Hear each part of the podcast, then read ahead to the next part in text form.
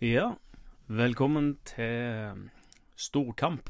Velkommen til minipodkast og forhåndsomtale om eh, kampen i morgen, søndag 9. mai, mellom Westham og Everton på London Stadium. Det begynner klokka halv seks, så sett alarmen på, alle sammen. Runden storkamp spilles på London Stadium søndag 17.30 når Westham tar imot Carlo Ancelotti og hans Everton. Før denne runden er dette et oppgjør mellom nummer fem og åtte på tabellen. Westham har seks poeng foran Everton før søndagens kamp, og når vi i tillegg vet at de blå fra Beatles-byen har en kamp til gode, skjønner vi alle hvor viktig denne kampen er. Forrige sesongs tilsvarende møte endte 1-1 etter at Issa Diop ga Westham ledelsen, før Evertons storskårer Dominic Calvert-Lewin utlignet.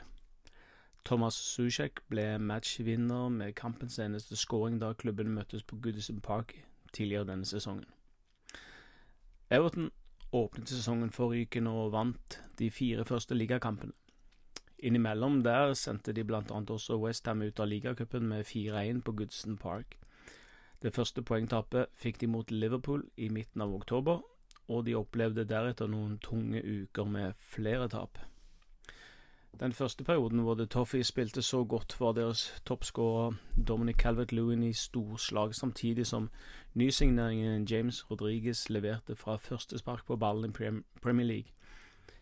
Utover i sesongen har Rodriguez pådratt seg noen skader, og det har utvilsomt hemmet Evertons offensive spill. Samtidig har også Calvert Lewin både slitt med småskader og ikke vært like heit foran motstanders mål, mens hans eh, spissmakker Richarlison ikke har skåret like mange mål som de siste sesongene.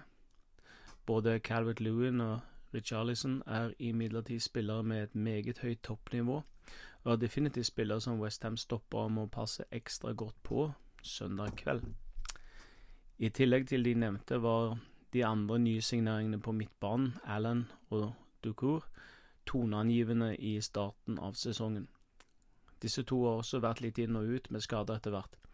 I forsvaret er venstrebacken Lucas Dean en kreativ kraft, mens det i midtforsvaret har vært litt utskifting underveis, hvor både Holgate, Keane, Godfrey og colombianske Jerry Mina har spilt foran Englands førstekeeper Jordan Pickford. Foran møtet med Westham på søndag er James Rodriguez ute med en strekkskade, mens Abdullahi Dukur er tilbake etter å ha gått glipp av de åtte siste kampene. Den eneste langtidsskadde hos Everton er midtbanespilleren Jean-Philippe Gbamin. Gbamin. Westham kommer fra en knallsterk bortekamp mot Burnley på mandag, hvor laget spilte en av sesongens absolutt beste kamper. Etter to strake tap, Newcastle og Chelsea, var det imponerende hvordan spillerne responderte til tross for et tidlig baklengsmål på Turf Moor. Det resultatet betyr at klubben ligger på en finfin femteplass med 58 poeng, idet vi kun har fire serierunder igjen av årets Premier League-sesong.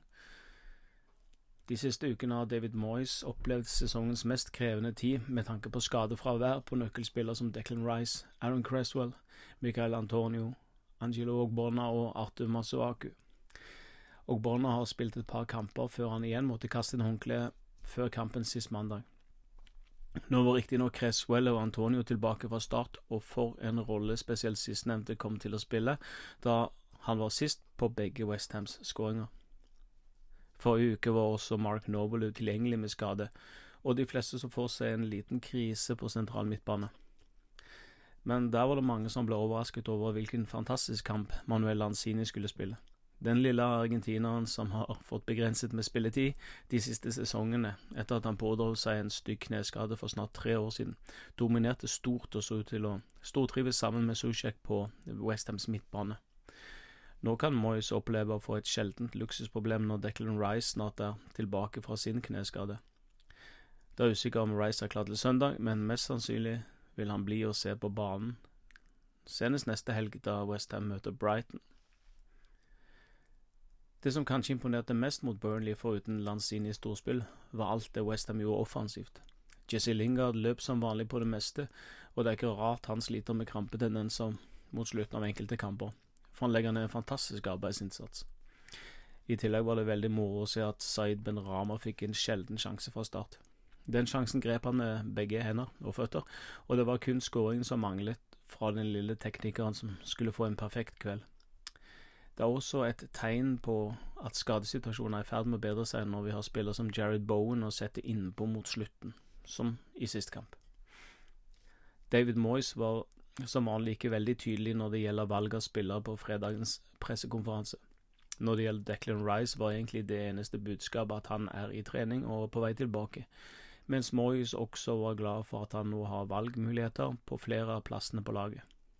Dette gjelder nå både offensivt og på stoppeplass, hvor Ogbonna mest sannsynlig er tilbake igjen. Enkelte mener at søndagens kamp er Westhams viktigste siden opprykksfinalen i 2012.